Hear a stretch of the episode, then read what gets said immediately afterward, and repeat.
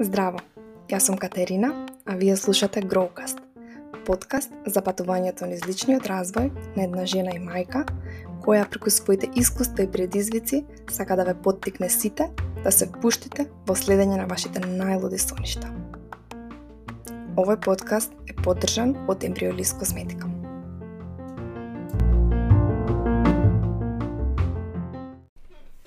Сите и добре дојдовте во уште една епизода од мојот подкаст.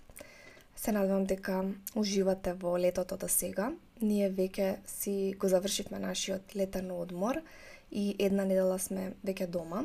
Поминавме 17 неверојатно убави денови на море и првата недела по одморот се прилагодуваме и се враќаме назад на нашите стандардни рутини и распореди. И иако уживам на секој одмор, овој беше посебен и посебно уживам во него, но исто така со нетрпение чекав да се вратиме и да се вратам на моите вообичаени рутини и креирањето на содржина. А, Тоа е така најмногу поради фактот што земав еден месец одмор од социјални медиуми и одмор на кој не работев ништо посебно. Овој детокс, заедно со летниот одмор, ми дозволија да ја откријам повторно радоста на едноставните нешта. На гледање на детската игра, на гледање на зади сонцето, прошетки по плажа, уживање во готвењето, гледање на серија со сопругот, легнување рано, галење со Локи, нашето маче. И мојата намера не беше никогаш целосно да се тргнам од дигиталниот свет, туку сакав да изградам побалансирана врска со технологијата. Сакав да а, ги преиспитам моите навики и тоа што постојано сум под дигитална стимулација и да го дефинирам, да го редефинирам а, дигиталниот свет и неговата улога во мојот живот. А, сето ова, кое изгледа толку едноставно, на мене многу добро ми влијаеше. Ми ја врати креативната енергија, ми дојдоа нови идеи, ми донесоа многу голема јаснотија и возбуда за периодот што следи и за се што сум спремна да создадам. Мојата перцепција за одмор низ годините се менуваше доста уште пред да имам деца, кога веќе бев во работен однос, а, јас имав сосема друга перцепција за одмор. Одморот го гледав како бегство од реалноста, бегство од животот. Ги броев деновите од одмор, калкулирав викенди и слободни денови, се со цел да соберам што повеќе за да додам на одмор. И често знаев да речам, едва и чекам да се тргнам од тука, да избегам негде. Меѓутоа, А, некој време пред да додиме на одмор, баш со сопругот разговаравме за тоа колку сме срекни каков живот создадовме овде и сега и колку уживаме во него и колку а, воопшто не ни треба бегство од реалноста и како поинаку го гледаме а, летниот одмор. Го гледаме како време за да создадеме нови спомени, за да создадеме нови искуства, за да имаме авантури со нашите деца, а не го гледаме повеќе како време во кое бегаме од тоа што ни се случува дома. Така што јас сум многу среќна што мојата перцепција за одмор тотално се смени и сега одморот го гледам како благослов и не го земам веќе здраво за готово, особено не кога ќе помислам дека многу луѓе не можат ни воопшто да си дозволат одмор на море. Подготовките за овој одмор беа а, физички и психички, а, ке се прашате како, како е тоа физички и психички. Физички мислам на физичко пакување на куфер и а, припрема на ствари за а, носење на одмор. И јас сум човек што верува во листи, списоци и табели, така што и оваа подготовка ми беше со употреба на листи, списоци и табели. Си направив еден список на нешта кои што треба да ги докупам. Докупам и една табела за сето тоа што треба да го понесам на одмор поделена по категории. И е, најмногу ќе се фокусирам овде на тоа што понесовме за децата, значи според мене маст за на одмор се е, слагалици, фломастери, пластелин, а, блокчиња и а, сликовници за читање, книгички, а, некоја играчка, а, така што а, ние сето тоа го понесовме и нашиот двор на одмор изгледаше буквално како игротека, каде што сите деца од кампот се собираа. Дури едно детенце дојде од страна и не рече дали е тука игротеката, слушнав дека има игротека и ние се изнасмеавме баш сладко. Меѓутоа веќе а, неколку години поред одиме во камп и знаеме како функционираат тие кампови, што може да се прави, што не може и знаевме што се точно треба да си понесеме за децата. А, овде доаѓам до следното прашање кое го добив а, преку пораки, а тоа беше како да ограничиме употреба на мобилни телефони на одмор. Овде не знам дали сум јас човекот што може да ви даде правилен одговор на ова, затоа што јас мобилен телефон не дозволувам ниту дома, а ниту пак на одмор. А, овде може би повеќе во насока на тоа како да поставите граница би ви одговорила, а, со тоа што сакам да ве подсетам дека вие сте родителот и вие ги донесувате одлуките.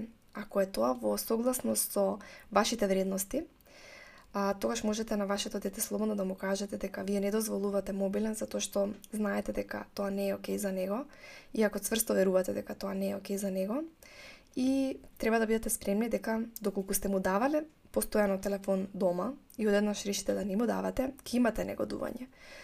И ние сме толку уплашени од реакциите на децата, толку уплашени од детското плачење, од нивното негодување, врескање.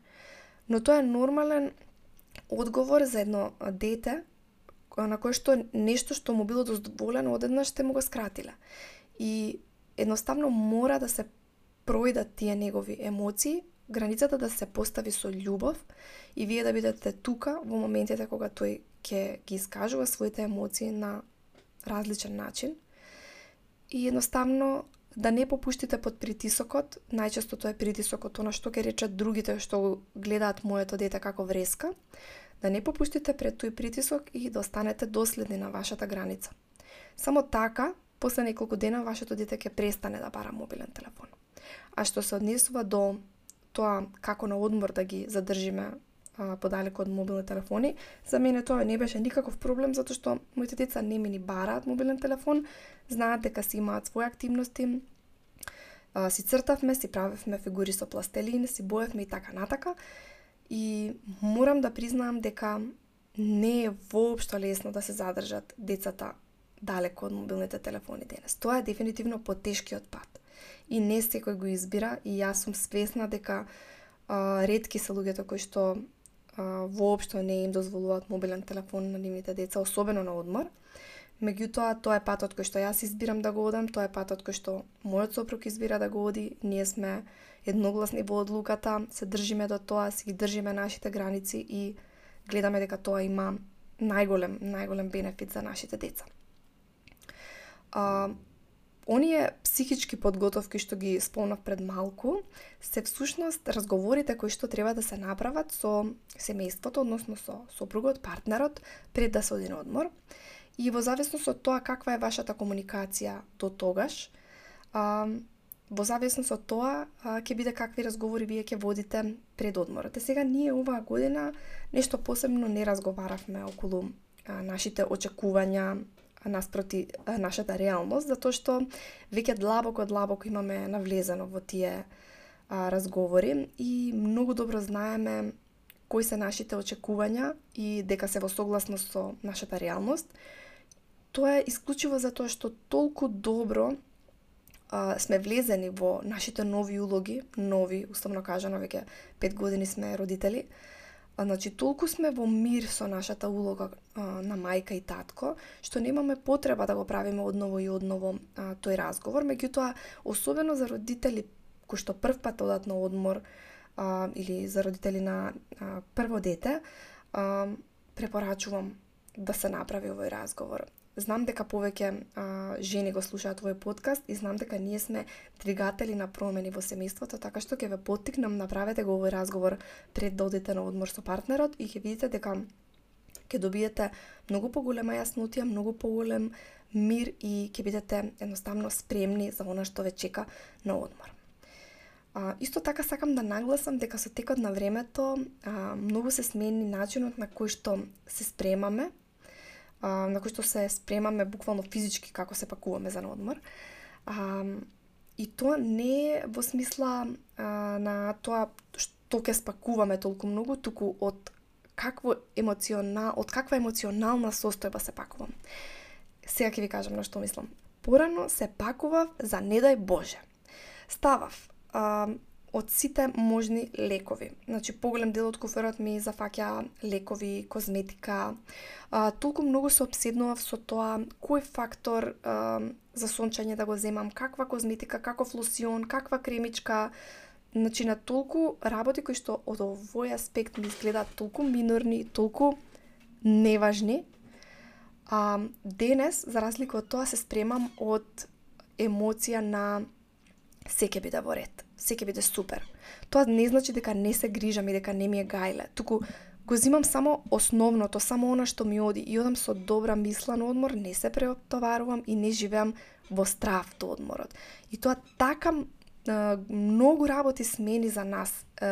Не само за спремањето, туку и за самиот однос према сите денови на одмор, према секој ден на одмор, а, толку сме во мир, толку сме сталожени и не е дека не ни се случија а, интересни, да ги наречам нешта на одморот, меѓутоа и двајцата ги прифативме многу смирено, многу трезвено, многу сталожено и многу добро и многу зрело изреагиравме во моментите без паники и без дополнителни стресови кои што сме знаеле да ги направиме на предходни одмори.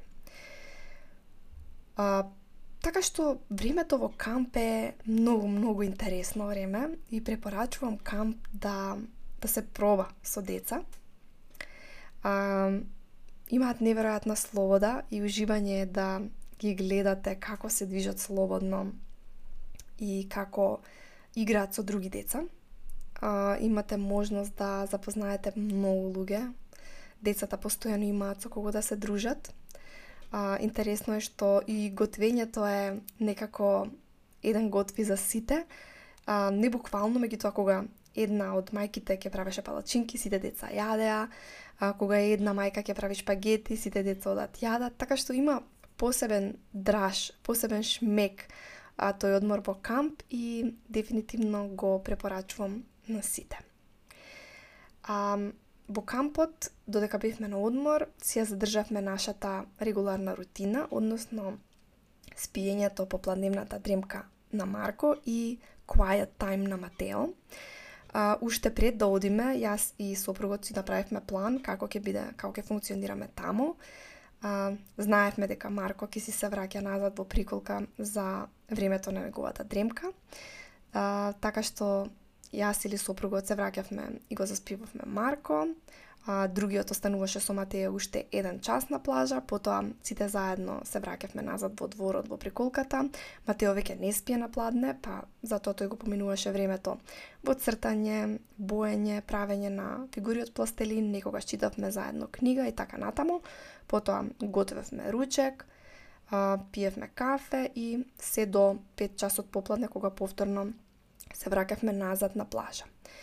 А, овие рутини на вистина мислам дека многу пати имам спорувано низ моите постови и сторис, можеби ќе треба цела епизода за нив да направам, меѓутоа нас ни го даваат мирот, ни ја даваат таа стабилност, таа предвидливост, која што и како им е потребно на мали деца. Им е потребно да знаат што е она што следи наредно во текот на денот и едноставно јас а, не се откажувам од нив.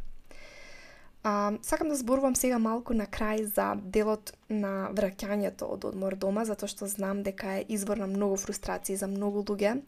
А, многу од нас делат, ми треба одмор после одмор со деца. А, ми треба цела недела за да се исперам, за да се вратам во нормала и така натака. И не велам дека не. И нас не требаше време да се стабилизираме затоа што од едно окружување одиме во друго. Меѓутоа овој пат беше многу поинаку. Тоа е затоа што целата наша перцепција за одмор се смени, а, само беше премин од едно во друго место едноставно и уживавме, буквално уживавме, преблагодарни сме што имаме можност да ги однесеме децата баш на долг одмор. А, преблагодарни сме што можеме да се грижиме за нив, што поминуваме скапоцено време со нив, затоа што некаде да ова го прочитав, а, ти си омилениот лик на твоето дете во првите 10 години. и гледате како вашата перцепција ќе се смени за тоа. А, после, десета, а, после десетата година, вашето дете веќе не ве гледа како омилен лик. Ке има свој другари, понатака ќе има свој партнер, дечко, девојка, понатака свое семејство. Тие 10 години, кога ќе ги погледнеме на таков начин, дека се нешто што нема да трае вечно, ќе сакате да ги зграпчите и да уживате во секој момент. И уште, уште нешто ми излезе интересно како пост на Инстаграм беше дека имаме 18 лета со нашите деца. И тоа е исто така толку свестувачки да се размисли. А, не знам, за мене на вистина ја смени перцепцијата и ми даде некако а, голем мир дека ова ќе помине, но не во смисла ова ќе помине јас да сум тажна, туку тешките денови поминуваат и се забораваат. Она што е убаво на смевките, нивната игра, времето во кое се гушкаме со нив, времето во кое воопшто сакаат да не гушкаат и да го поминат воопшто со нас, треба да го цениме и да не го земаме никако здраво за готово.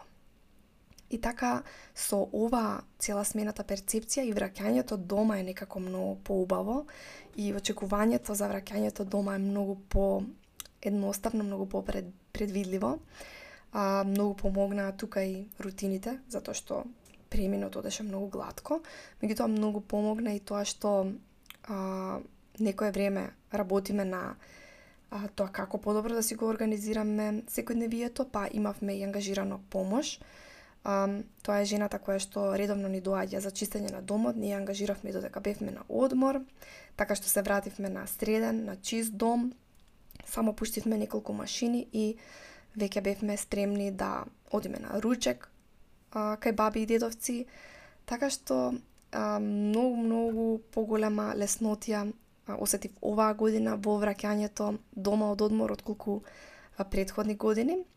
И мислам дека сето тоа е резултат на голем труд што го имаме вложено во текот на предходните години а, во организација, планирање и креирање на а, редовни рутини. Ова мислам дека беше се што сакав да го споделам со вас во оваа епизода. А, следната епизода планирам да биде за организација и планирање во различни фази од мајчинството, затоа што најмногу од вас а, ми побара да снимам епизода на таа тема. Така што ви благодарам од срце што одвојувате време да ме слушате. На вистина сум бескрајно благодарна што вашето време го вложувате во слушање на мојот подкаст. Многу го ценам тоа. Сакам да ми напишете во коментари што правите вие првиот ден кога ќе се вратите од одмор или првата недела. И се слушаме во следната епизода од подкастот. Поздрав!